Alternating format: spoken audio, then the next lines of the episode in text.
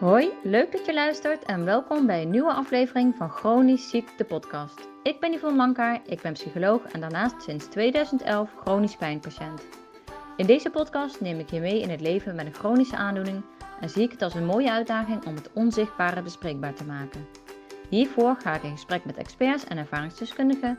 Ik deel naast mijn eigen ervaringen ook handige tips en met dit alles hoop ik je te inspireren tot een waardevol leven, ook als je chronisch ziek bent.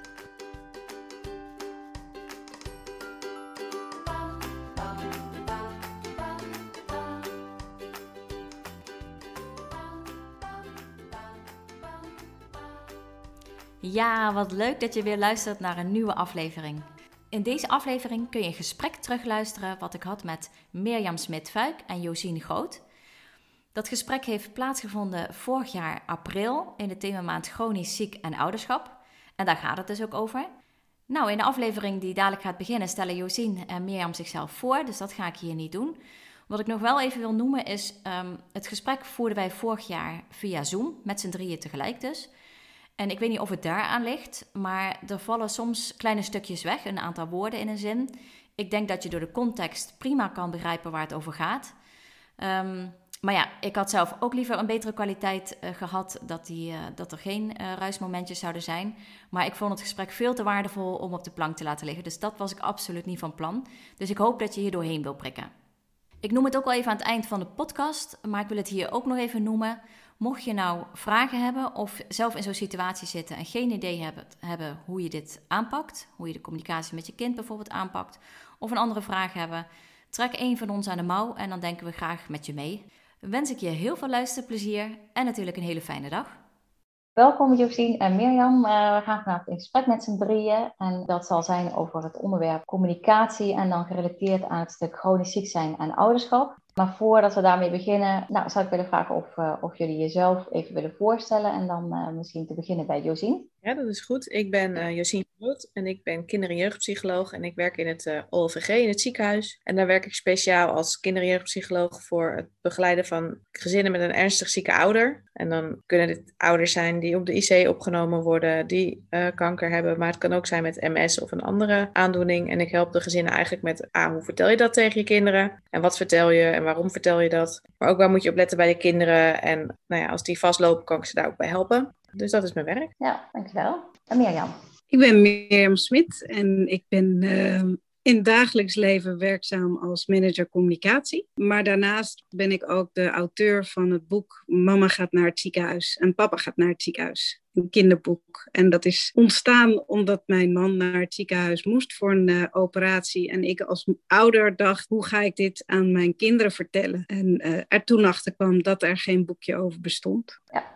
Daar een, uh, een heel mooi uh, product van het weten te maken. Waar uh, heel veel andere ouders denk ik hun voordeel mee kunnen doen. Maar nou ja, daar komen we in, het gesprek ook verder op terug. Ik zal mezelf nog even kort voorstellen. Ik ben Yvonne Langbaar. Ik ben psycholoog en heb mijn eigen praktijk. Ik ben ook chronisch pijnpatiënt. Dus eigenlijk ervaringsdeskundige psycholoog. Die heel veel mensen met chronische ziekte of chronische pijnklachten. En nou ja, zo zijn we eigenlijk met z'n drieën in contact gekomen eigenlijk over dit onderwerp. Omdat we eigenlijk alle drie vinden dat er veel dingen onbesproken blijven rondom chronisch ziek zijn. Zeker bij ouderschap. Onderwerpen als hoe vertel je nou je kinderen dat je inderdaad uh, ernstig ziek bent. Of dat je bepaalde dingen niet meer kan. Of dat de ene ding, ouder dingen wel kan en de oudere, andere ouder niet. Nou ja, zo is dat bij ouderschap. Zo is dat, is dat bij veel andere onderwerpen ook. In je relatie of afgekeurd worden. Nou, er zijn heel veel onderwerpen die eigenlijk onbesproken dingen achterlaten. En nou, we zijn met elkaar in contact gekomen en uh, gaan vandaag het onderwerp ouderschap daarin aanpakken. Om daar samen eens naar te kijken welke onderwerpen zijn er dan allemaal. En welke vragen worden er niet gesteld. Nou, we wilden eigenlijk eens beginnen met het stuk op het moment dat je de diagnose krijgt. Vaak in het ziekenhuis natuurlijk. Je zit daar met een arts aan tafel, je hoort die diagnose. Nou ja, in sommige gevallen een wat ernstigere diagnose komt heel veel op je af. Als patiënt zelf of uh, partner van. En je zit daar in het gesprek, gaan er eigenlijk ook hele andere dingen door je hoofd. Mirjam, zou, zou jij daar eens wat over kunnen vertellen? Want jij hebt in dat gesprek eigenlijk gezeten dat met, met jouw partner die dat nieuws yeah. kreeg ja, wat gaat er dan op zo'n moment door je hoofd en wat gebeurt er dan in zo'n gesprek met zo'n arts? Ja, dan moet ik erbij zeggen, mijn, uh, mijn man is niet chronisch ziek, okay. uh, maar hij had wel een, uh, een hartaandoening waarvoor hij geopereerd moest worden. En ja, dan komt dat nieuws binnen en er wordt meteen heel veel gas gegeven op alle praktische dingen. Dus wat gaat er gebeuren? Wanneer moet je naar het ziekenhuis? Wat moet je allemaal gaan regelen?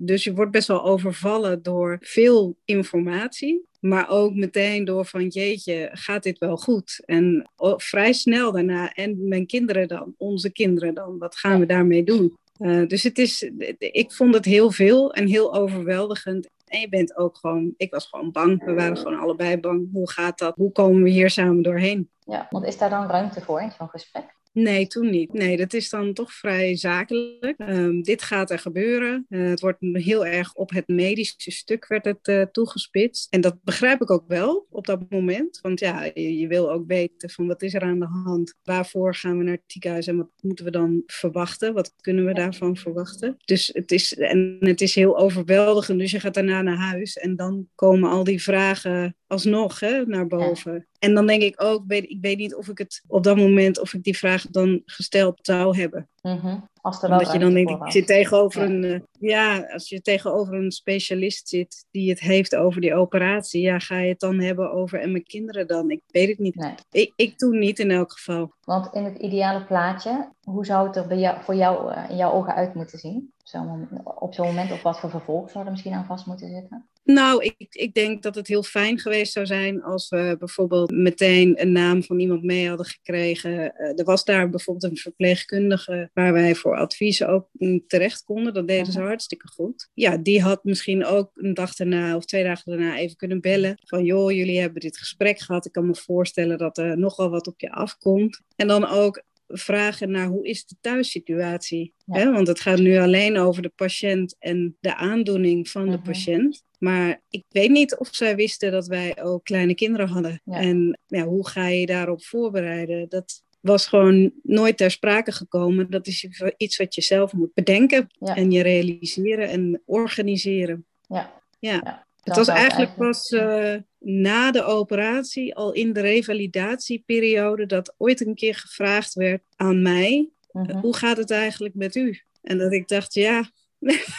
ja. Dat is nu wel heel erg laat. Ik zeg, inmiddels gaat het weer goed met me. Maar dat had ik, die vraag had ik eigenlijk wel eh, veel eerder willen hebben. Omdat het ons zou hebben geholpen in hoe bereid je je erop voor. Ja, dat daar gewoon eigenlijk überhaupt gewoon meer ruimte voor was. En dan misschien niet in zo'n eerste gesprek, maar wel dat daar gewoon een goed lijntje zou zijn naar een volgend gesprek. Waarin daar gewoon echt heel specifiek naar gevraagd wordt en hulp geboden wordt waar nodig. Ja, Want ik denk, eh, kijk, ik ben op zich best mondig, dus ik durf ook wel vragen Maar ik geloof ook best wel dat er mensen zijn die denken van nou, misschien moet ik dat maar niet vragen, want dat is misschien een stomme vraag. Of daar zijn ze wellicht niet van. Terwijl, ja, dat zou toch niet zo moeten zijn. Dus het kan ook helpen door actief naar onderwerpen te vragen waarvan je weet dat dat vaak speelt bij mensen. En dat weet je natuurlijk vanuit ervaring. Ja. Ja. want een mooi laatste woord vanuit ervaring, Josien. Jij ziet natuurlijk heel veel de, de ouders uh, met de kinderen. Jij herkent deze situatie ook vast, dat mensen diagnose gehoord hebben, ja, waar waarschijnlijk ook de ruimte niet geweest is. Of hoe is jouw ervaring daarin en wat, wat doe jij daarin? Het voordeel is natuurlijk dat in het OVG ik dan eigenlijk ben. En onderdeel van mijn taak is wel ervoor te zorgen dat dat ook bij de verpleegkundigen en de artsen zoveel mogelijk bekend is. Okay. Maar in het allermooiste plaatje um, heeft inderdaad of die verpleegkundige die later nog een keer contact heeft, check toch even of er kinderen zijn en geef dan aan dat ik contact kan zoeken om eens gewoon eens mee te kijken. Een beetje kennis te maken en te kijken van, goh, wat kan ik doen? En dan um, heb ik meestal gewoon een eerste gesprek met ouders en vraag ik ook naar hun verhaal. Hè? Dan kunnen ze nog een keertje rustig vertellen. En dan kijk ik ook, oké, is het al gelukt om het aan de kinderen te vertellen? En waarom wel, waarom niet? En hoe is dat gegaan? En uh, in sommige gevallen is het nog niet gelukt of wisten ze nog niet of het überhaupt goed is. Hè? Want mm -hmm. ouders willen ook hun kinderen beschermen. Die zeggen, ja. ja, maar mijn zorgeloos opgroeien en ik wil niet dat hij dit meekrijgt. Ja. En daarvan weten we wel uit onderzoek dat het beter is om kinderen wel te informeren en om ze wel uit te leggen wat er speelt. Omdat ja, ze voelen gewoon heel veel. Zelfs kleine babytjes kunnen al uh, last krijgen van verstopping, omdat ze doorhebben dat er wat is, zonder dat het, ze het ja. natuurlijk echt snappen. Ja. Ja. Dus dan ga ik met ze kijken, oké, hoe kan je het vertellen en wie heb je daarvoor nodig en hoe kan je dat doen op een manier uh, nou ja, dat het oké is. Uh, ik geef ook altijd aan waar ze op moeten letten. En als ze zich zorgen maken over de kinderen, of ze vinden het fijn dat ik er bijvoorbeeld bij ben. Ik heb ook wel eens gesprekken, nou, ben ik erbij geweest en dan had ik ja. een boekje. Hè? Zo, het boekje van Mirjam heb ik een paar keer uh, gebruikt om ook aan ouders te geven, zodat ze de operatie voor konden bereiden. Ja. Zo zijn er meer boeken over uh, een mama die ziek is of een papa die ziek is die je kan gebruiken. En ja, ik merk dat ouders dat heel fijn vinden. Dat er gewoon ja. iemand daar inderdaad even naar kijkt. Dat ze zich daar geen zorgen over hoeft te maken. Ja. Maar dan zit jij dus echt wel in een actieve rol eigenlijk. En bij jullie is het dat dan op zich ook, in ieder geval op papier. Soms is het de vraag of de lijntjes helemaal goed lopen, maar het is eigenlijk goed geregeld. Ja, dat daar gewoon actief uh, naar gekeken wordt, wat iemand nodig heeft. En iemand echt uit, uitgenodigd wordt van, goh, hoe is de gezinssituatie en wat hebben jullie daarin nodig? Kunnen wij daarin iets bieden? Ik weet niet hoe, jij, hoe jouw ervaring is vanuit het werkveld of dat inderdaad op andere plekken ook zo geregeld wordt. Of dat, wat Mirjam ook zegt, dat dat uh, vanuit de algemene ziekenhuizen misschien ook ja, daar de kennis wat meer ontbreekt. Ja, daar eigenlijk het bij de patiënt ligt om actief daar zelf iets in te zoeken. Ja, ik weet dat het heel erg wisselt per ziekenhuis. Dus er is niet standaard altijd iets voor geregeld. Nee. Ik heb geen zicht op waar het allemaal wel en niet natuurlijk nee. uh, dus ik weet van een aantal uh, dat ze dat ook meer hebben. Ik ben, ik ben zelf bij het OVG onderdeel van het ondersteunend palliatief team. Mm -hmm. en daar is de vraag ooit begonnen, omdat ze natuurlijk heel veel ouders hadden die echt palliatief ziek waren. Nou ja, waar je ook gewoon ook met kinderen te maken hebt, wat natuurlijk ook nogal een boodschap is. En zodoende hebben ze bedacht, uh, hebben ze gezien van, goh, daar is eigenlijk op veel meer plekken vraag naar natuurlijk. Helemaal niet alleen als het palliatief is, maar ook als ja. ze chronisch ziek zijn of als ze gewoon wel weer beter worden. Ja. Um, ik weet wel dat er steeds meer aandacht is overal voor patiënt meer is dan alleen een patiënt. Ja, precies. Ja. Dat is ook terug met op andere vlakken ondersteuning en maatschappelijk werk die toch weer wat meer de ziekenhuizen inkomt. Maar dat zal heel erg verschillen per ziekenhuis. Ja, dat, nou ja, fijn te horen dat jij daar natuurlijk ook wel inderdaad een, een sturende en, en een rol in hebt waarin je daarin ook echt van betekenis kan zijn dus. Ja, en het voordeel is dan ook dat, dat, dat als artsen of, of verpleegkundigen zich ook nou ja, niet zo goed weten wat ze zelf zouden moeten zeggen, dat ze gewoon mij daarin kunnen ja. inzetten. Ja. Niet alle artsen of verpleegkundigen hebben daar ook de, de kennis voor, voelen zich daar ook fijn, fijn mee om daar adviezen over te geven. Ja. Nou ja, ik zie twee, twee kanten. Soms komen ze via de verpleegkundige of de artsen mijn kant op. En soms geven ouders zelf aan, goh, ik maak me zorgen over mijn kinderen. En komen ze op die manier. Ja, ja, je, ja. je maakt al net al een beetje het bruggetje naar van dat veel ouders zich zorgen maken over, ja, moet ik mezelf, moet ik het wel daarmee belasten? Um, ik wil dat ze zorgeloos opgroeien. Tegelijkertijd geef je ook aan dat, nou ja, sommige verpleegkundigen of artsen het een beetje spannend vinden eigenlijk, hè, maak ik uit je woorden op. Daar ligt best wel een soort van lading uh, of vanuit verschillende ja, lijntjes eigenlijk naar zo'n kind toe hoe je daarmee omgaat. En wat is jouw, uh, je noemde het net al uit onderzoek blijkt van, hè, is het beter om het gewoon het bespreekbaar te maken. Ja, als je het daar dan hebt over dat bespreekbaar maken, kun je daar eens wat over vertellen hoe jij dat ziet en hoe jij dat doet? Nou ja, uh, daarin is het belangrijk um, dat je het natuurlijk aanpast aan de leeftijd van het kind, hè, dat het kind de woorden snapt. Uh, maar dat je het wel uitlegt en dat je het aan kan wijzen waar het zit. Het is ook altijd belangrijk dat het kind snapt wat er gaat veranderen, maar ook wat er niet gaat veranderen. Hè? Dat hij weet welke structuur. Dus ondanks dat mama heel erg ziek is, ga je wel gewoon naar school. Ga je wel dat en dat blijven doen. Uh, ja. Dat is voor altijd heel belangrijk. En ja, kinderen werken anders dan wij. Kinderen die verwerken in stukjes. Dus die horen zo'n boodschap en die denken: oh, kijk, er is weer speelgoed en die gaan weer spelen. Dan merk je heel vaak dat het de fiets of in de auto mm -hmm. of vlak met lapen gaan, dat er dan opeens weer vragen komen. En ja, ik zeg ook tegen ouder zijn, is het een beetje een dans? Wanneer kunnen we het er weer even over hebben en wanneer, wanneer weer even niet? Want kinderen moeten ook juist dat mindvoelen gewoon weer even in het moment kunnen zijn, ja. want dan herstellen ze. Dus het is elke keer een beetje aanvoelen, nou, wanneer kunnen we het er weer over hebben? Nou, wat heel erg helpt, is natuurlijk als er een boek is. Of als je bijvoorbeeld tekeningen kan maken of het op die manier uit kan leggen. Hè, dat je kan, kan laten zien dat je er op die manier woorden aan kan geven. Maar je kan ook soms Playmobil gebruiken of andere dingen om, om een vorm aan te geven. Dat moet, een beetje ook bij jou passen als ouder. Ja, en je kan het dus ook elke keer weer een beetje vertellen. En het is ook heel belangrijk om het kind te zeggen: Weet je, als er iets verandert, dan hoor je het. Belangrijk om te weten dat ze een belangrijke, dat ze ook belangrijk zijn en dat ze het toe doen. Ja. Daarnaast zijn kinderen heel goed met, met hun verbeelding en bedenken wat het allemaal zou kunnen zijn. Dus als zij voelen dat er wat is, ja, dan kunnen we denken dat we ze beschermen door het niet te zeggen. Ja. Maar in hun, in hun hoofd kan het zomaar eens een keer duizend keer erger zijn als dat, dat het uiteindelijk is. Ja, dus eigenlijk om dat te voorkomen, juist in betrekken, aansluiten op dat niveau. En ja, wellicht ook op die belevingswereld door het praktisch te maken of, of creatief. Of daar een bepaalde uitingen te geven. Bij, bij de naam te noemen. En dat Ja. is natuurlijk, uh, bij chronisch ziek is dat weer anders. Uh, maar bij, in sommige gevallen gaat het bij mij ook om kanker. Dan zeggen we Ja. ook, ja, noem echt kanker. Ga dan wel goed uitleggen. En eh, kinderen zijn tegenwoordig heel handig. Dus je hebt op internet ook van alles wat je kan vinden. Daar kan je natuurlijk de vreselijkste dingen vinden. Voor, Ja. Van alles dus. Ja, Dus begeleid ze daarbij en, Ja. en help ze daarin wat de situatie van jou is. En soms kan het ook helpen om dan een keertje dat ze vragen kunnen opstellen, opschrijven en dat die mee kunnen naar de arts. ja, Of dat ze zelf een keer een gesprek bij kunnen wonen. Wat, wat uit onderzoek komt, is als je zoiets met het gezin, met het hele gezin draagt, je met z'n allen een, een, het als, een, als een missie ziet om daarvoor te gaan, dat het ook voor de kinderen uiteindelijk het beste is en het meeste op. Ja. ja, ik heb heel veel vragen om door te vragen, maar ik kom er dadelijk nog even op terug. Want ik ben wel benieuwd, Mirjam, hoe, hoe hebben jullie dat toen aangepakt? Want nou ja, jij bent niet voor niks op zoek gegaan eigenlijk naar een boekje om gebruik te maken om je, jouw, uh, nou ben ik even kwijt, of je kind, kinderen, maar kun je dadelijk zelf Kinderen, ja. Kinderen, ja. ja toe te lichten um, ja, wat er precies speelde en wat er vooral ook ging gebeuren. Dat was natuurlijk bij jullie dan heel duidelijk van hè, dat, dat komt eraan. Ja. Dat was het toen niet. Dus dat, dat ben je uiteindelijk ja, eh, later ook natuurlijk gaan maken. Maar op dat moment uh, ja, uh, was dat niet voorhanden en heb je toch uh, op een bepaalde manier verteld. Hoe, hoe heb je dat toen aangepakt? Ehm, nou, mijn jongste was toen één, dus die hoefde ik uh, niet zoveel te vertellen. Die was echt wel heel klein. En de oudste was 2,5. Uh, dus daar wist ik wel van, nou, ze is ook niet uh, heel dom. Dus die vraagt echt wel door. En die heeft echt wel in de gaten als er iets speelt. Dus ik, ik wil haar daar wel in meenemen.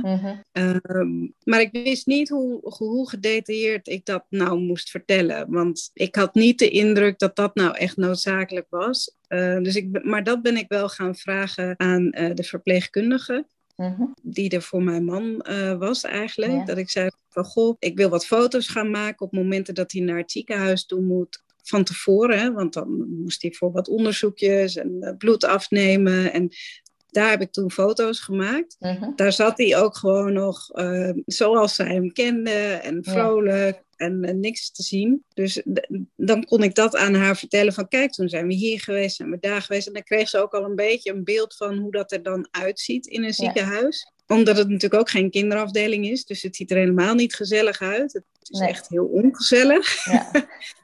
Ehm, nou ja, en, en tijdens het proces heb ik dus wel af en toe gevraagd aan die verpleegkundige van joh, hij gaat nu naar de IC. Ik denk niet dat ik daar eh, al te veel over moet gaan vertellen. En Mhm. ehm, ook niet dat ik hem daarmee naartoe moet nemen. Dat vond ik zelf veel te heftig. Ja. Nou, dus in een soort van overleg met haar heb ik dan wat stappen gezet en dat dus Ja. ook bewust soms vermeden. Maar ik moet wel eerlijk zeggen, ik vind het soms lastig. Want ik hoorde ook later eh, van anderen die zeiden, nou, die kleintjes kunnen echt heel veel hebben. Ook de IC. Dus bij mij was het toen een keuze, want ik vond dat heel eng, omdat ik het zelf heel eng vond. En dat ik dacht, ja, dan ziet ze mijn zorg, voelt ze mijn zorg en dan ga ik haar meenemen naar iets wat ik zelf heel onprettig vind. Dus dat wilde ik haar niet doen. Maar achteraf hoorde ik dus eh, mensen die zeiden van, oh ja, maar dat, dat kunnen ze prima hebben. Want ja, ze zien allerlei draadjes en ze, zien, horen allerlei piepjes. En papa reageert misschien niet zoals hij normaal doet, maar het is wel je, nog steeds je vader.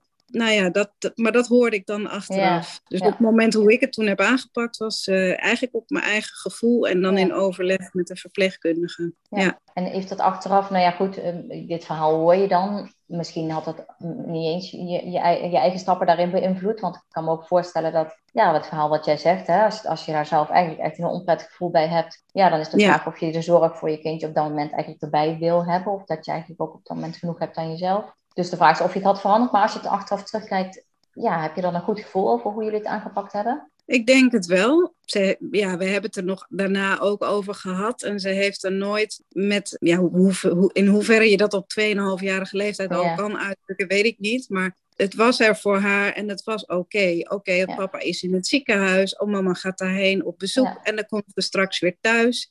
Dus dat, dat was er ook. Dus ik heb wel zo open mogelijk het daarover gehad met haar. En dat ze Ja. altijd wel wist waar ze aan toe was. En wat Josine ook net zei, de structuur houden in dat wat ze gewend was. Ja, Dat hebben we ook zoveel mogelijk geprobeerd. Met hulp van mijn ouders op dat moment.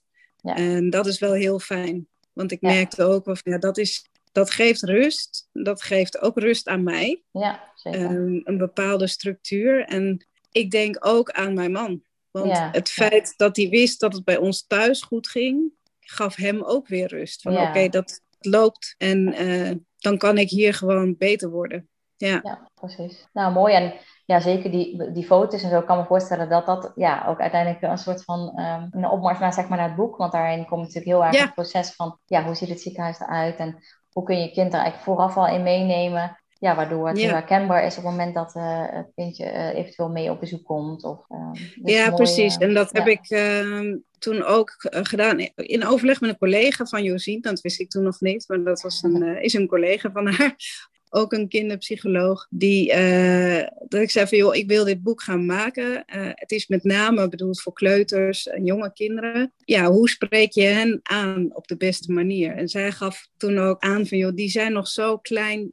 Hun zintuigen zijn hun belangrijkste informatiebron. Ja, ja, ja. Dus als je het boek vanuit de zintuigelijke uh, waarneming opbouwt, dan gaan ze het herkennen. Dus een hele grote lift, dat maakt indruk. De geur in het ziekenhuis, dat maakt indruk. De geluiden die je hoort van die rare piepjes, dat zijn allemaal dingen die, die samen een ziekenhuis vormen voor een kind. En als je dat van tevoren benoemt, en het laat zien en erover hebt, als je er dan naartoe gaat, dan komt die herkenning en dan is het dus minder spannend. Ja, precies. Mooi. Ja, een mooi product uiteindelijk geworden waar je inderdaad die dingen ook allemaal in, in terugkomen die jij noemt. Ja. ja. Hey, en en uh, bij jou was het natuurlijk 2,5. En heel even terug weer naar Josien. Uh, wat ik me wel afvraag uh, qua leeftijden. Ja, daar zit natuurlijk verschil in. Jij noemde zelf ook wel. Sluit aan ja, in woorden ook bij uh, de, de leeftijd uh, van je kind. Nou ja, was ik wel benieuwd als ik het een beetje indeel, uh, nou ja, 4, 8, 12 zeg maar. Natuurlijk zitten daar verschillen in, ook qua hè, wat je merkt aan je kind. Maar kun je daar eens een, een, een grove ehm, ja, beschrijving van maken wat je zou vertellen aan die leeftijdscategorieën? Nou ja, daarvoor misschien ook al wel. Ik weet niet of ja, daar nog weer een heel verschil in zit. Ja, tegen baby's kan je natuurlijk ook vertellen Um, zodat ze, en die snappen het niet allemaal, maar die voelen dan wel dat jij, doordat je het vertelt, vaak dat je ook wat, wat rustiger mm-hmm. wordt. Dat er een bepaalde uh, verandering in je lijf komt en dat ze weer eventjes kunnen knuffelen met je. En ja, dan afhankelijk van de leeftijd, als ze echt nog heel jong zijn, dan gebruik je natuurlijk heel veel simpelere woorden. Papa is ziek of mama is ziek.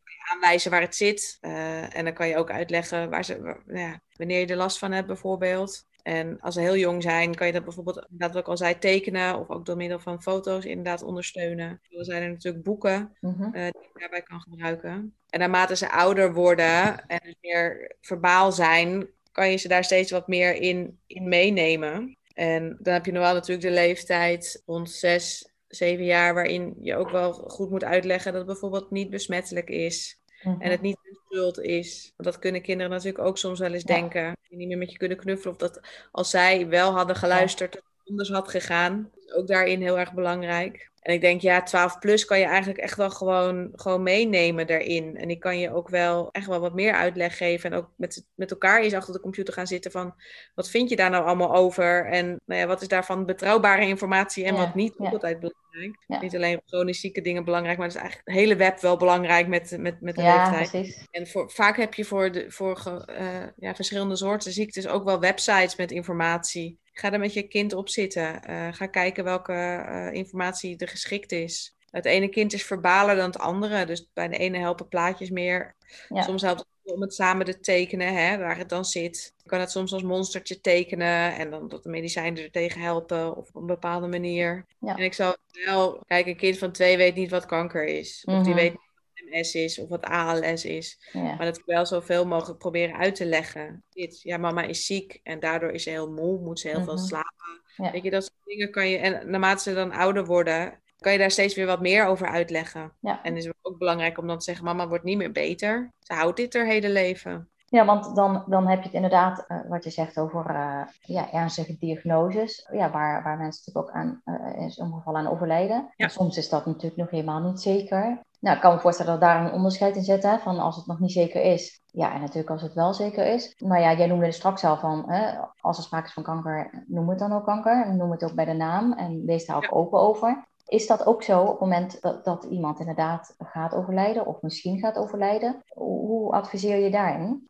Ja, ook bespreek het. Er is geen kind waarbij die vraag niet door het hoofd gaat op het moment dat ze weten dat hun ouders ziek zijn. En natuurlijk, ja. zolang het nog heel ver weg ligt. We hebben natuurlijk ook wel eens ouders met, met bijvoorbeeld een hersentumor. En daarvan is het uiteindelijk ook wel belangrijk om te zeggen: ja, papa gaat eraan dood. En we weten nog niet wanneer. Vermijd dan ook dingen als papa gaat slapen. En, want kunnen kinderen dan heel, heel eng vinden. Want ja, ze dan zelf gaan slapen, worden ze ja, dan niet meer. Precies. Ja. Nee, doe het ook. Maar ga ook met je kind in gesprek over. En wat denk je dat dat is? Hè? Vraag naar je kind. Wees nieuwsgierig. Vraag, vraag dingen terug. Ja. Wat denk jij dat het is? En hoe denk jij dat dat eruit ziet? En wat, wat heb jij nodig? Kinderen kunnen zelf ook echt wel heel veel aangeven. Ja, en, vermijd het inderdaad dus niet. Nee, vermijd het niet. En nee. Eh, ik denk dat ouders soms ook wel heel erg bang zijn van, ja, maar als ik dat dan noem, leg ik dat kind dan misschien gedachten juist in het, in het hoofd. Maar weet je, die gedachten komen wel, want ze zeggen Ja. het op school. En dan horen ze dat die en die ook eens ziek is geweest en die en die is dood gegaan. Ja, En ja. zo is het van alles. Zit er toch aan verbonden. Ja, dus, dus bespreek het. En, en, tot- en als het kind, als je merkt van, nou, hij is er nog helemaal niet klaar voor en hij zegt weer, nou, ik ga liever spelen. Ja, dan heb je weer die dans van, oké, nou ja, dan heb, ja, aan de andere kant, we gaan allemaal een keer dood, dus dat is dan wel de harde waarheid. Ieder, iedereen kan natuurlijk nu de deur uitstappen en eh, overreden worden, dus dat weet je nooit. Maar als het echt concreter is en je weet het, Ja, zeggen we kunnen je kinderen beter meenemen en erop voorbereiden. ja. Bij alle leeftijden? Bij alle leeftijden, ja. Ja. Alleen wel op een manier. Er zijn er echt ook wel eh, goede e-books over te vinden. eh, Mhm. Over hoe je daarop voor kan bereiden. Ook wel goede boeken. Ja, begin daarmee. Want nou ja, we zien ook heel vaak kinderen waarvan tegen het niet verteld is, die dan uiteindelijk heel boos kunnen zijn. Ja, dat ze daarin niet serieus zijn genomen. En die kunnen Ja. er echt nog last van hebben. Ik, ik heb zelf, toen ik zes was of zo, is mijn opa overleden aan kanker. mhm. En die was in het ziekenhuis en die kwam uit het ziekenhuis. En voor mijn gevoel, omdat mensen uit het ziekenhuis komen, want ze zijn beter. Alleen niemand had mij verteld dat hij helemaal niet beter was, maar Ja. gewoon dood. Dat is bij mij dus ook nog heel lang een, een ding geweest. Ik heb echt nog heel lang daarover gedichten geschreven. En op een of andere manier ja, was dat voor mij echt een shock. Me dat van tevoren had verteld, had ik natuurlijk op een heel andere manier ook omgegaan met die periode tot aan ja, die dood. precies. En inderdaad, wat jij zegt, eh, denk ik een hele belangrijke serieus genomen worden. Dus hoe Ja. klein ook eigenlijk. Ja, dat je daarin meegenomen wordt op jouw niveau. En inderdaad, mijn ervaring is ook dat, dat, je, dat kinderen ook afhaken op een gegeven moment inderdaad. Als het gewoon even genoeg is in hun hoofdje. En dat ze zelf wel weer later op een ander moment terugkomen. Maar wat jij dan heel mooi zegt, inderdaad, vragen ook terug. En dan merk je ook of er iets zit Ja. en, en wat er dan zit en waar je iets over willen weten. Maar, Ja, en hou die deur open voor ze. Dat ze niet het ja, ook namelijk in de, in de valkuil trappen. Ik wil mijn kind beschermen, dus ik praat er niet over. En dan denk ik dat ik wil mijn moeder of mijn vader beschermen, dus ik praat er niet over. ja, Dat noemen ze de muur van liefde. En dan heb, zit iedereen een beetje op een eigen eilandje. ja, Terwijl ja, daar heeft niemand uiteindelijk wat aan. nee, inderdaad. Ja, We kunnen kinderen niet beschermen tegen alle, alle erge dingen in het leven, maar we kunnen ze wel helpen om ermee om te gaan. Ja, ja.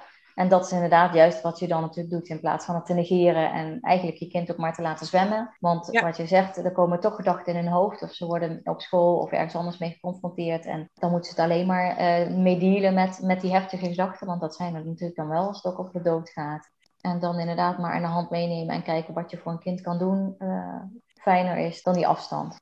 Maar ik kan me ook voorstellen dat het voor ouders soms ook spannend is zelf om dat gesprek aan te gaan. En het, het, het dan ook een beetje verweven zit met ik wil mijn kind beschermen maar, beschermen, maar ergens vind ik het zelf natuurlijk ook heel spannend. Ja, Ja, het is ook echt, hè? Als je het Ja. vertelt, is het ook waar. ja, en Ja. je hebt te dealen met het verdriet van je kind, wat je er natuurlijk dan op dat moment ook nog bij krijgt.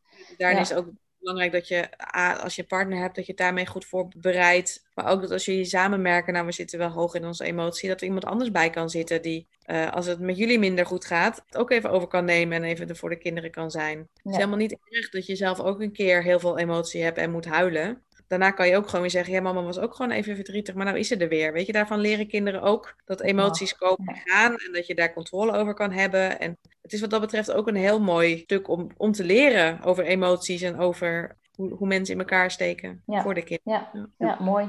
Ja, dus eigenlijk vooral die openheid, vooral het betrekken, het serieus nemen, vragen stellen, vragen laten stellen en daar ook gewoon echt op antwoorden, daarin niet onderwerpen uit de weg gaan en, eh, en het ook gewoon benoemen dat wat er ook echt speelt. Nou ja, als we dan de stap zetten naar ehm, ja, niet meer alleen die diagnose en daarover in gesprek gaan, maar het ziek zijn zelf ook. Eh, nou ja, dat, dat kan in sommige gevallen een kort proces zijn, maar in sommige gevallen natuurlijk lang. En eh, nou ja, in, in mijn eh, praktijk zie ik ook veel mensen die gewoon chronisch ziek zijn, wat eh, ook helemaal niet per se een heftig einde al eh, in, in beeld is of zo. Maar ja, wel natuurlijk veel impact heeft op het leven van alle dag en dus ook in je gezin. Ik kom daar ook bij jou, Mirjam, dat, dat zal bij jullie wellicht ook natuurlijk geweest zijn dat jouw eh, Ja. man natuurlijk eh, ziek was en eh, niet alles meer kon op dat moment. Is dat nog anders als iets ja, heel lang duurt? Blijf je er dan altijd over in gesprek gaan met je kind? Blijf je daar zelf momenten voor pakken? Want ja, voor je kind wordt het op een gegeven moment misschien ook weer gewoon wat normaler dat papa of mama ziek is. Blijf je dan daarin toch ook die, die dans af en toe aangaan, zeg maar? Uh, Josine, even, even jouw reactie daarop? Ja, nou ja, weet je, het is natuurlijk ook echt waar wat je zegt. Dat na een tijdje hoort het voor het, ki- is het voor het kind ook gewoon gewoon. En, maar ja, wat je dan wel krijgt is op het moment dat ze eh, met vriendjes afspreken en horen dat die moeder, weet ik veel, wel van alles en nog wat met ze doet. Ja, Daar kan ja. soms ook boos over zijn. Ja. En zijn ze dan niet direct boos en komen ze niet thuis, maar stoten ze hun tenen en zijn ze opeens heel boos. En dan is het wel eens fijn om te kijken van, goh, is er meer dan alleen die teen stoten en, en is er misschien ook nog iets anders waar je boos over bent? Kijk, je hoeft niet elke keer dat natuurlijk gespreksonderwerp te maken. Maar het is wel goed om je kind te laten weten als je een mindere dag hebt, omdat je veel pijn hebt en daardoor je, je lontje wat korter is, dat hij snapt dat het niet aan hem ligt of aan haar ligt. Ja. Komt door wat er is. En dat het ook af en toe heel vervelend is. Op die manier zal het af en toe nog terugkomen. Maar je hoeft natuurlijk niet elke avond te zeggen: Oh ja, mama is ziek. Ja, nee, precies. hoort er een tijdje ook een beetje bij. Alleen het is wel goed om, als er weer een beperking is, dat, dat, dat je het daar even over kan hebben. En dat een kind daar ook verdrietig over kan zijn. Dat soms zijn moeder niet met hem kan zwemmen of niet met hem dingen kan doen die een ander kind wel kan. Dus wellicht als er dan weer een, wat meer een duidelijke aanleiding voor is, waarin je misschien ook merkt, van goh, daar is een reactie uh, van mijn kind, of er is een confrontatie geweest op school, uh, waarin, uh, waarin je gemerkt hebt van hé, hey, goh, dat hè, mijn kind is opgevallen dat dingen anders zijn hier. Dat je dan een opening biedt voor, een gesprek of er gewoon eens naar vraagt. En dan ook kan kijken van, goh, is er iemand anders die, die, die dat dan wel kan doen? Hè? Ja, precies. Dat je niet als ouder ook de verplichting voelt van ik moet alles invullen wat, wat je voor ogen hebt eigenlijk als dat je voor ouders, Nee. als ouder zou moeten doen. Maar uh, dat je meer Nee, oog hebt. uh, Kunnen kinderen natuurlijk ook best wel af en toe een, een taakje hebben. Ook dat is voor kinderen uiteindelijk helemaal heel fijn, want dan hebben ze een beetje controle. Ze kunnen niet zoveel doen. ja. Weet je, waar een kind, waar, waar een kind een pleister krijgt als het pijn heeft, zou dat kind eigenlijk die, pleister ook aan mama of papa willen geven. Maar dat, dat werkt niet en dat helpt niet. Ja. Dus dus af en toe wat laten doen is ook helemaal niet verkeerd. Hè? Die thee Nee. naar mama brengen als ze, als ze toch heel erg moe is. Of een keertje wat anders doen. Ja. Zolang het bij dat soort taakjes blijft en ze niet emotioneel overvraagd worden. Die taak hoeven ze natuurlijk niet te hebben om voor mama en papa te zorgen, emotioneel. Door wat doen kan ze juist ook heel erg helpen. Maar zit daar ook weer een grens aan, praktisch? Ja, ze moeten natuurlijk wel gewoon kind kunnen blijven. Ze moeten gewoon naar school kunnen gaan en ze moeten eh, hun, hun belangrijke ding kunnen blijven doen. En wat, wat daarnaast kan, kan af en toe, maar ze moeten niet degene worden die het gezin draait natuurlijk. Nee. Dus het zit meer in dat stukje dat het kind het gevoel heeft van... Goh, ik mag af en toe voor papa en mama zorgen, iets liefs voor ze doen. Inderdaad, symbolisch die pleisterplakker dan. Ja. Ehm, maar inderdaad, zowel praktisch dat ze niet een, een half gezin daar, eh, huishouden daarin overnemen. Als in eh, emotioneel dat ze inderdaad niet die, die lading eh, dragen. Dat ze voor papa en mama moeten zorgen. En, dus dat ze daarin heel bewust inderdaad dat kind zijn. En dat dat misschien ook af en toe benoemd mag worden als, als je het idee hebt. Ze willen te veel overnemen van... eh, wij zijn papa, mama, jij blijft kind. En eh, Ja, dat is ook inderdaad goed. Nou, nou, weet je, hartstikke lief dat je die thee brengt. Ja, super. Ja. Nou weer lekker spelen. Ja. Laten ze ouder zijn. En als ze 16 zijn, is het natuurlijk ook weer wat anders. Dan kan je eventueel taken met elkaar verdelen in overleg. ja, ja, precies. Maar weet je, blijf het ook een beetje als, als teamtje zien. Ja, want hoe was dat bij jullie, eh, Mirjam? Ik kan me zo voorstellen, ik weet natuurlijk niet alle ins en outs, maar ja, dat jouw man natuurlijk wel best een tijd ja, weer op heeft moeten knappen, even moeten revalideren Ja, wellicht. ja. Ja. hoe was dat als gezin? Je noemde straks wel even dat jullie ook hulp kregen van, eh, van je ouders of misschien van andere mensen in je omgeving. Ik denk een half jaar intensief moeten revalideren.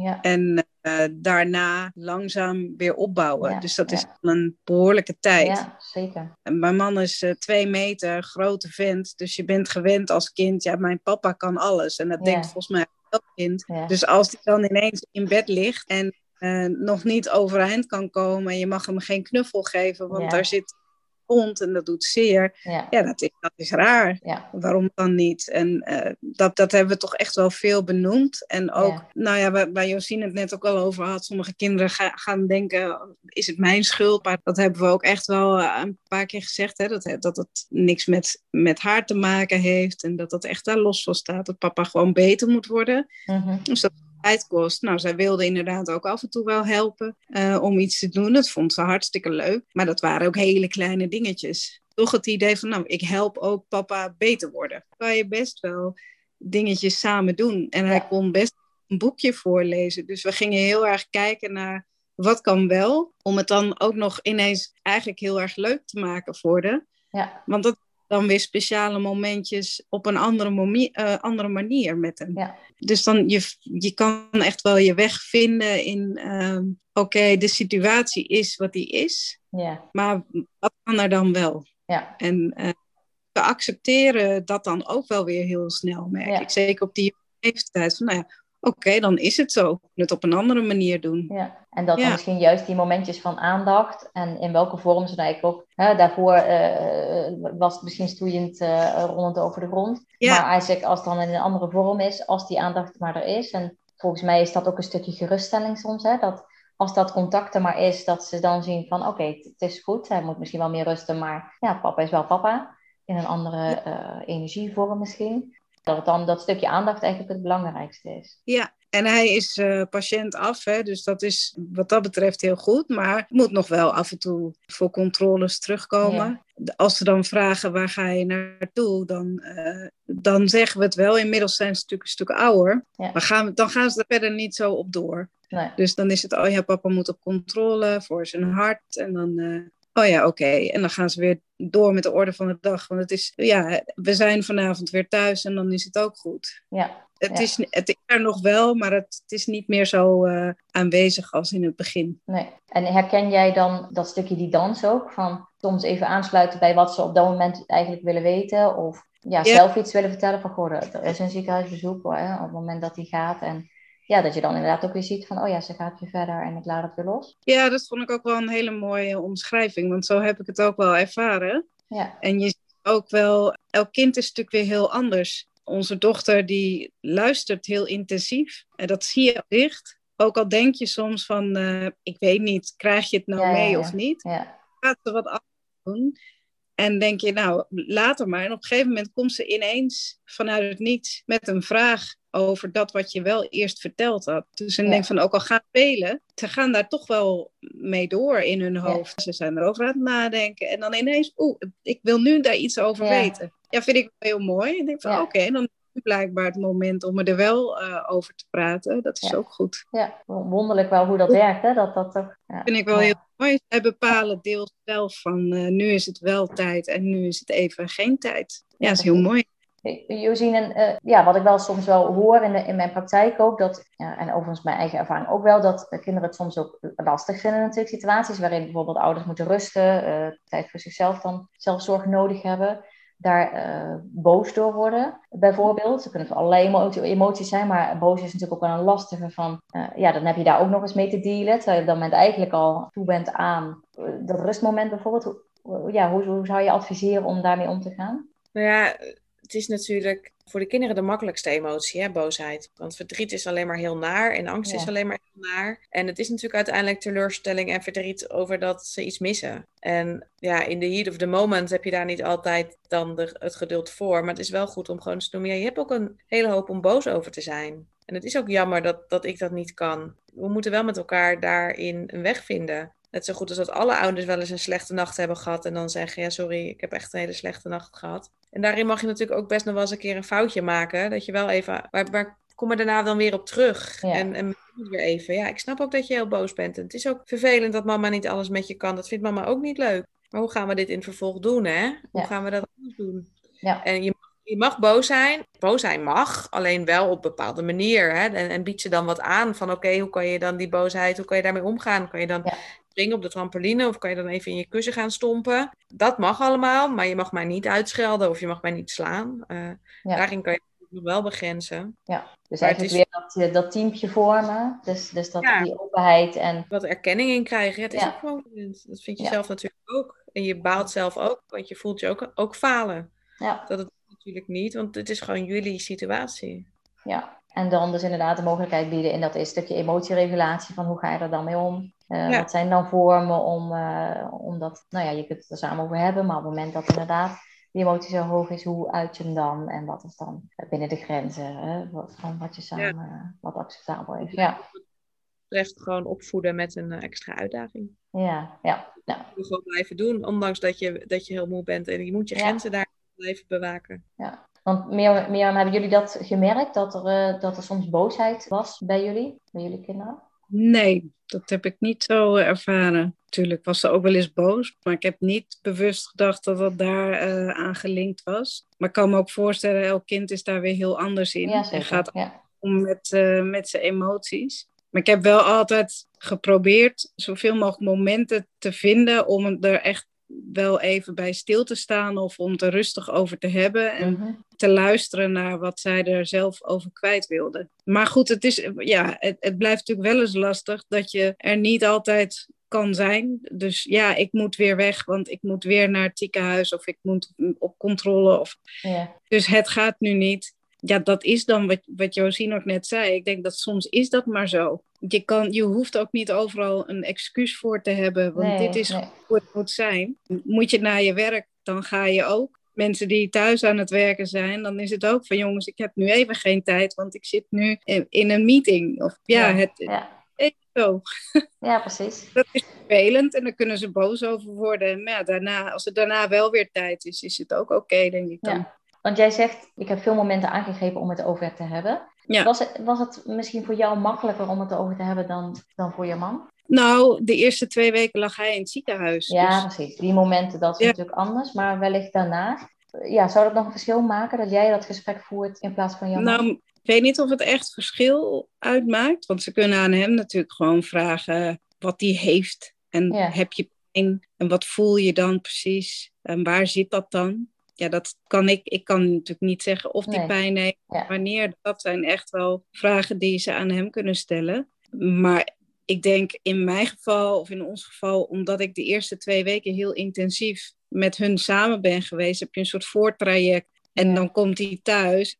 Dan heb je al een soort van ja, gesprekslijn gehad, al die twee weken. Ja. Ja. Dat, dat is toch dan, in dat opzicht is dat wel anders. Ja. En hij heel veel niet meegekregen van hoe, wat er dan thuis gebeurt. Je moet ook weer even zijn plekje vinden in, uh, in huis, waar je dan twee weken wel gewoon doorgaat. Uh, of gewoon ook niet, maar je gaat door. En je vindt een modus. Dus iedereen moet weer even wennen aan de nieuwe situatie zoals die is. En dat is nooit zoals het was. Ja, dus dat denk ik voor iedereen lastig om even om te kijken van, ja, hoe gaan we dit nu doen? wat, wat doe jij? Wat doe ik? Ik heb het nu zo gedaan en uh, nu ben jij er weer. Uh, oh.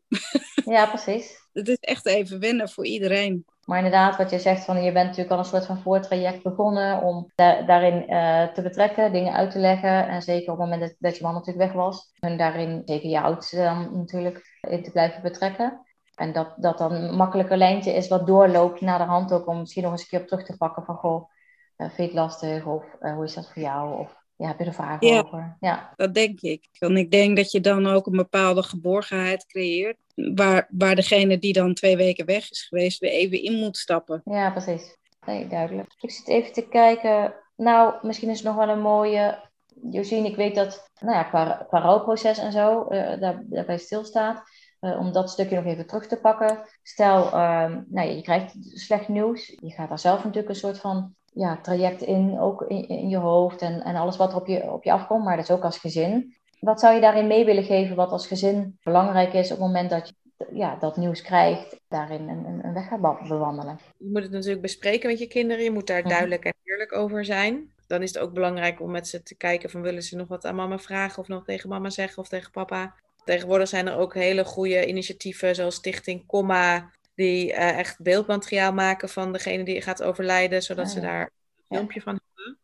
Uh, die begeleiden dat ook. Het is voor kinderen natuurlijk heel belangrijk dat ze later nog iets hebben van hun ouder. Tegelijkertijd is het natuurlijk ook het meest, de meest zware opdracht die je als ouder kan krijgen. Om iets op papier te zetten of iets zeker. als je overleden bent. Dus dan is het des te mooier dat je van zoiets gebruik kan maken, uh, die je er gewoon bij helpen. En die daar gewoon die de juiste vragen kunnen stellen. En nou ja, het is dus ook heel goed om ook dan rondom de dood met kinderen uh, boekjes te lezen. En je hebt ook allerlei um, vragen met kaartjes die je elkaar kan stellen. Heeft de dood een kleur? Is bijvoorbeeld zo'n pakket. Oh ja. ja. is dat. Um, om gewoon het gesprek af en toe aan te gaan. En, en laat kinderen ook vertellen. Um, je hoeft ze geen woorden in de mond te leggen. Maar sommigen die hebben inderdaad uiteindelijk zoiets van mama wordt een sterretje. En anderen zeggen nee, mama komt in de hemel. Ja, weet je, het, kind, het is heel belangrijk voor kinderen dat ze daar ook hun eigen ding aan kunnen geven. Waar, waar is mama of papa straks voor jou? Ook daarin dat ze weten dat het niet hun schuld is. En in sommige gevallen wordt er natuurlijk ook nog wel eens over euthanasie uh, nagedacht. En daarin is het heel belangrijk dat, dat de kinderen wel wordt uitgelegd dat mama of papa niet dood wil. Alleen het lichaam dat op is. Ja. Dus gaat niet zomaar weg. Het is niet dat het niet meer heeft in, in die kinderen of in het leven, maar het, het lijf kan het gewoon niet meer. Ja. Dus ik denk dat dat heel belangrijk is. En check bij kinderen of ze snappen wat dood is. Hè? Wij, wij doen echt wel eens met de kinderen van, oh, en wat gebeurt er dan? En dan gaan ze echt zo liggen. En dan, ja, weet je wel. Ja, ja, ja. Kun je nog wakker worden? Nee, dan kan je niet meer wakker worden. Dan ben je echt weg. Al hebben ze het natuurlijk al wel eens meegemaakt met een opa of een oma of een, een huisdier. dat kan je dan natuurlijk wel goed gebruiken. Ja. ja. En wat ik ook wel heel erg adviseer is, ga dingen opschrijven uh, over de ouder die heel kenmerkend zijn. Sommige ouders hebben echt bepaalde uitspraken of sommige grapjes. Maak daar een boekje van, zodat je dat later nog eens kan, kan teruglezen. Ja, mooi. Dus eigenlijk ook, ja, inderdaad, veel dingen verzamelen. Toch ook weer in dat gesprek blijven. Samen daar eigenlijk woorden voor vinden die, die passend zijn voor jullie als gezin. Ja. Um, als je zoekt, uh, zijn er ook wel goede um, online gratis folders en informatie te vinden. Je hebt een e-book, kinderen voorbereiden op een overlijden, tips in staan, waar je echt wel mee uit de voeten kan. Ja. Dus daar zijn wat dingen voor te vinden. En ook bij die bureau morbide heb je ook nog ja, kleine boekjes waar wat extra informatie in staat. Gebruik dat soort dingen. Hè. Je hoeft het niet allemaal zelf uit nee, te vinden. Precies. En het is al zwaar genoeg ook. Ja. ja. en gebruik dat soort dingen om een gesprek aan te gaan. En ja. kijk dan eens van, oké, en, en, en ga dan ook weer nieuwsgierige vragen stellen, hoe zwaar het ook is. Nou ja, dan, dan weet je ook wat er leeft bij je kind. Ja, precies. En wat er dus ook nodig is. Ja. Ja, of er nog meer uitleg nodig is. Ja, ja en voor kinderen is het ook belangrijk, weet je, uh, dat ze weten wie er dan nog wel is. Dan is papa Ja. er nog, dan is die er nog. En Ja. die gaan heel goed voor jou zorgen. Ja, precies. Oké. Nou, een, een beetje nog terugpakken naar het begin van het gesprek ook. Jij, jij gaf je zien al, ook al aan van, veel ouders zijn ook bang om, eh, of die willen hun kind, kind niet belasten. Dat is inderdaad ook wat ik veel hoor. Ja, dat het ook wellicht een negatieve impact kan hebben. Het ziek zijn op de ontwikkeling van het kind of op wat je je kind meegeeft. Of ja, je wilde toch eh, een soort van de beste ouder zijn eh, voor je kind. Wat is dat, kun je dan afvragen. Eh, maar aan beide dadelijk de vraag. eh, nou ja, misschien be- be- beginnen bij Mirjam. Ja, hoe merk jij daar iets van? Die, die periode, heeft dat een negatieve impact gehad? Bij jullie was het eh, nou, misschien wel een, een relatief afgebakende periode. Ook als komen er natuurlijk nu nog wel momenten terug. Merk je daar iets van dat het negatieve impact heeft gehad op, op dat stukje ontwikkeling in die periode? Dat ja, hoe, hoe kijk jij daar tegenaan? Bij mijn kinderen, nee, dat denk ik niet. Ik heb niet het gevoel dat zij daar een negatieve ervaring heeft, door heeft opgedaan, omdat we er zoveel voor haar waren. Bijna wil ik zeggen dat ze het nog haast leuk heeft gevonden, want Ja, de hele tijd thuis. Die was natuurlijk En ik kwam zelf ook een paar maanden thuis te zitten, omdat het gewoon echt heel veel was. Dus we zaten allebei thuis. ja, Ja, ja, voor een kind feest. Ja, De reden waarom we thuis waren, dat was voor haar niet eens meer eh, aan de orde eigenlijk. Dus dat is ja, voor onszelf vervelend geweest. Maar voor was dat eigenlijk, ja, voor de kinderen was dat, was dat mooi. ja. En daar hebben we het dan ook bij gelaten. Ik bedoel, daar ga je ook niet daarover door van, weet je Nee, wel het waarom zwaarder maken. Nee, dat is dan maar, nou ja, fijn dat het voor iemand leuk is. Laten we het daar. Ja. ja, precies. Ja, dus Ja. dat, eh, nee, ik heb niet het gevoel. Nee. eh, het, weet, je, ze was toen 2,5, dus ze Ja. weet daar nu al van. Nee. Nee, ze weet alleen dat ik het boek heb gemaakt en dat ziet ze natuurlijk steeds nog voorbij komen. Dus daar is ze alleen maar heel trots op en Ja. dat is leuk. Dat is, dat is wat zij eraan over hebben gehouden. Ja, Ja. ja. precies. Gelukkig. Ja, want, want hoe is jouw ervaring daarmee, Josien? Kom je ouders tegen die zich daar inderdaad zorgen over maken? Zie jij ook eh, kinderen waar jij dan wellicht misschien zorgen over maakt, waarvan je denkt van, oh ja, daar zie ik ook wel een negatieve impact van nou ja, het chronisch ziek zijn of eh, de ziekteperiode waar die jij dan meekrijgt? Ja, het is natuurlijk heel afhankelijk van het kind, hè? Hoe het mee omgaat, welke coping die heeft. En sommige kinderen hebben gewoon niet genoeg coping. Om Mhm. manieren om ermee om te gaan. Dus die worden dan angstig of, of slapen minder goed. Dan is het ook nog een beetje afhankelijk van hoe ouders daar weer mee omgaan. Dus soms zit je daarin gewoon met elkaar in een negatieve spiraal. En dan kan het tijdelijk invloed hebben. Maar daarvan zien we dus wel dat hoe meer er besproken wordt en hoe meer ruimte er is om Ja. daarover te praten, dat dat wel beschermend werkt. Dus dat, dat, dat, openheid toch een, een bescherming is. En dat ze, daar, dat ze de vrijheid voelen om, om daar vragen over te kunnen stellen. En dat het niet allemaal in het kopie blijft malen. Ja. En als, als je wel merkt dat het niet goed gaat met je kind, ja, zoek, dan, zoek dan vooral ook hulp. Hè? Laat je kind met iemand praten, kijken of er adviezen gegeven kunnen worden. Kan natuurlijk kinderen krijgen die heel erg kunnen gaan piekeren of heel erg angstig zijn of heel erg op moeder letten. Of gewoon ook wat druk en aanwezig zijn in de klas, omdat ze zich zorgen maken. Ja, Fijn dat er iemand eh, kan kijken hoe kan, hoe kan het kind daar weer wat van losser komen. ja, precies. Ja, een beetje weer uit dat patroon dat ontstaan is. Ja, Ja, het is dan niet zozeer iemands schuld, maar dat is soms ook gewoon de combinatie van de kindkenmerken en, en de ja situatie. precies. Ja, kijk, we moeten allemaal bedenken dat we allemaal maar een bepaalde hoeveelheid kunnen hebben. En hoe meer stress, hoe, Ja, hoe minder goed we kunnen denken en helder kunnen handelen. Dan gaat Ja. gewoon die laatste piloot aan. En dat gebeurt bij kinderen en dat gebeurt bij ouders. ja, ja. Je merkt dat je daar te veel in zit, ja, dan, dan fijn als er hulp is. En, en als we hem omkeren, Is er ook een positieve invloed mogelijk op de kinderen? Ja, juist eigenlijk. Hoe zou je dat verwoorden? Nou ja, ik denk dat, dat, dat, dat het echt een leerschool is in emoties en ook met moeilijke dingen omgaan. Mhm. Ik bedoel, dat kinderen tegenwoordig ook best wel heel erg beschermend opgroeien. En eh, dat er ook heel veel zijn die op hun 25ste een burn-out krijgen, omdat ze voor het eerst stress en, en dingen ervaren. En Ja. eh, deze kinderen kunnen natuurlijk al veel meer tegen tegenslag en, en tegen dingen die niet zo gaan als dat ze zouden willen. Ja. Dus je ziet, nou, ja, dat is ook een hele goede kans voor groei. En ze kunnen leren die emoties herkennen en zich soms verplaatsen in mensen. Dus het kan zeker ook heel veel brengen. Ja, nou ja, ik hoef de vraag niet per se aan jou te stellen, Mirjam. Denk ik dat is ook eh, qua leeftijdscategorie misschien nog zo jong dat, dat je daar wellicht dan misschien niet per se de positieve impact al merkt. Misschien wel het stukje Nee, van hoe jullie samen in het eh, leven staan en doordat je dat meemaakt, wellicht wel in de opvoeding natuurlijk meegeeft. Ja, nee, precies. Het is, die- dat bewustzijn, dat hebben we heel Ja. sterk. Helaas heb ik een tijdje geleden ook een eh, vriendin verloren aan, Ja. aan kanker. Ook met twee kinderen. Dat zet je wel weer met twee voeten op de grond. Ja. Ehm, dat je denkt, ja, weet je, er zijn heel veel dingen om, om je zorgen over te maken. Maar er zijn ook heel veel dingen om van te genieten. Van wat je wel kan. En, en dat proberen we ook enorm te doen. En ik denk, eh, kijk, ik heb niet de ervaring met een chronische ziekte. Ik kan me voorstellen dat dat heel vervelend is, omdat het ook altijd is. Dat je er best wel goed zat van kan zijn. Mhm. Uh, maar ook dan ja, is het toch wel de kunst om, om de mooie dingen eruit te halen. En misschien ook soms proberen te kijken door de ogen van kinderen, omdat die, vind ik, vaak juist heel erg de positieve dingen in kunnen zien. Ja. En zich meer zorgen maken dan de ouders. Dat is een kunst die we helaas verliezen, misschien op het moment dat je ouder wordt. En Ja. die je eigenlijk zou willen houden. Ja, en misschien als je zelf denkt, ik weet niet hoe ik iets nog wel kan dat je aan je kinderen kan vragen van nou, bedenk jij nou eens Ja. een manier waarop we dit wel zouden kunnen doen. En dat die misschien met creatief idee komen waarvan je denkt, nou, briljant, gaan we doen. Ja, ja, precies. Ja, ja, ja. Ja. ja, en ik denk er vaak natuurlijk toch veel minder in belemmeringen en eh, Ja. minder vooruitkijken, minder zorgen maken over de toekomst. Ja, en dan voelen ze zich betrokken en dan mogen ze meedenken ook iets in een positieve zin. Ja. Van ja, nog steeds, mama kan nog steeds een aantal dingen niet. Maar als jij nou meedenkt over hoe je het wel kan, dan doen we het alsnog samen. Ja, precies.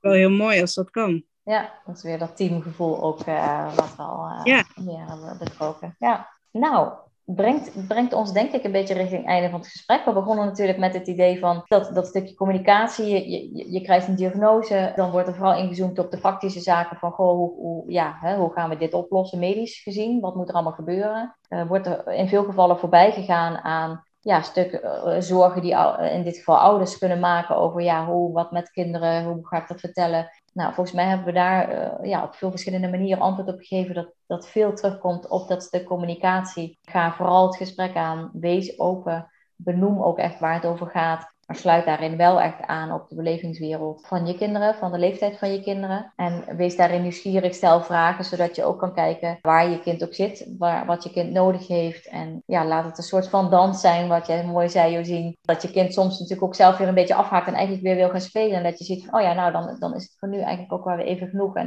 het komt vanzelf waarschijnlijk ook wel weer een keer terug. Nou ja, dat, dat zijn volgens mij de, de belangrijkste dingen die we bes- besproken hebben over communicatie hebben we daarmee het onderwerp ook wel, hè, hoe we het van tevoren bedacht hadden, ja, zoveel mogelijk besproken? Of zijn er van jullie kant nog dingen waarvan je denkt, hé, hey, dit is nog wel een mooie of een goede om te noemen? Josien, om wat bij jou eh, te starten? Nee, ik denk dat het belangrijkste genoemd is. En ik denk dat alle ouders zich vooral moeten realiseren, je hebt hier ook niet om gevraagd. En het is niemands schuld. Net zo goed als dat het de kinderen hun schuld niet is, is het jouw schuld niet. En je kan niks anders dan er met elkaar het beste van maken. Mooi. Ja, dat teamgevoel. Mirjam, van jouw kant nog iets waarvan je zegt, nee, dat, dit is nog wel een toevoeging. Of misschien ook een laatste stukje waarvan jij zegt, vanuit mijn ervaring. dat ouders ook vooral moeten vertrouwen op hun eigen kunnen. En dat ze op hun eigen gevoel af moeten gaan, dat zij hun kinderen het beste kennen en ook kunnen vertrouwen op de kracht van hun kinderen. En niet, eh, die kunnen echt veel, die weten veel. Jullie zijn een team en, en dat vertrouwen kan je goed hebben in beide kanten. En dan, ik denk dat dat de basis is voor, voor alles. Mooi. Nou, lijkt me een hele goede om, eh, om het gesprek mee af te ronden. Volgens mij is er heel veel mooie informatie voorbij gekomen. Ik denk dat ik uh, ook voor jullie spreek uh, als ik de uitnodiging neerleg als mensen vragen hebben, dat ze ons op welke manier dan ook via social media kunnen benaderen. Waar je dit filmpje ook ziet, nou ja, wellicht is er daar vast al één van ons te vinden of te bereiken. Misschien uh, mag ik nog toevoegen voor mensen die naar het ziekenhuis toe moeten. Ja. En daar dan uh, deskundig over willen van hoe heb ik het er dan over met de kinderen. Uh -huh. kunnen ze naar de website www.naarhetziekenhuis.nl. En dat is echt bedoeld zodat je niet zelf weer het wiel hoeft uit te vinden en overal hoeft te gaan zoeken. Maar kijk daar gewoon naar allerlei tips ja. en lees daarover. Ja. ja, goede toevoeging. Nou, dan, uh, dan ga ik bij deze het gesprek afronden. Dan wil ik jullie heel erg bedanken voor alle moois wat jullie gezegd hebben. En voor het mooie gesprek. En voor het inspirerende gesprek ook voor anderen. Gedaan. Superleuk dat je weer luisterde naar een aflevering van Chronisch Ziekte Podcast. Ik hoop dat het je nieuwe inzichten en inspiratie opgeleverd heeft. Laat het me vooral weten op Instagram waar je me kunt vinden op Yvonne Psycholoog. Laat daar ook je vragen achter die ik eventueel mee kan nemen in een nieuwe aflevering. Wil jij een seintje krijgen wanneer er weer een nieuwe aflevering van Chronische Ziekte Podcast online komt? Abonneer je dan op dit kanaal op je Spotify app of op iTunes. En ik zou het echt super tof vinden wanneer je hier een review achter wil laten. Daarmee help je mij meer mensen te bereiken en daar word ik dan weer heel blij van. Tot de volgende aflevering en nog een hele mooie dag gewenst.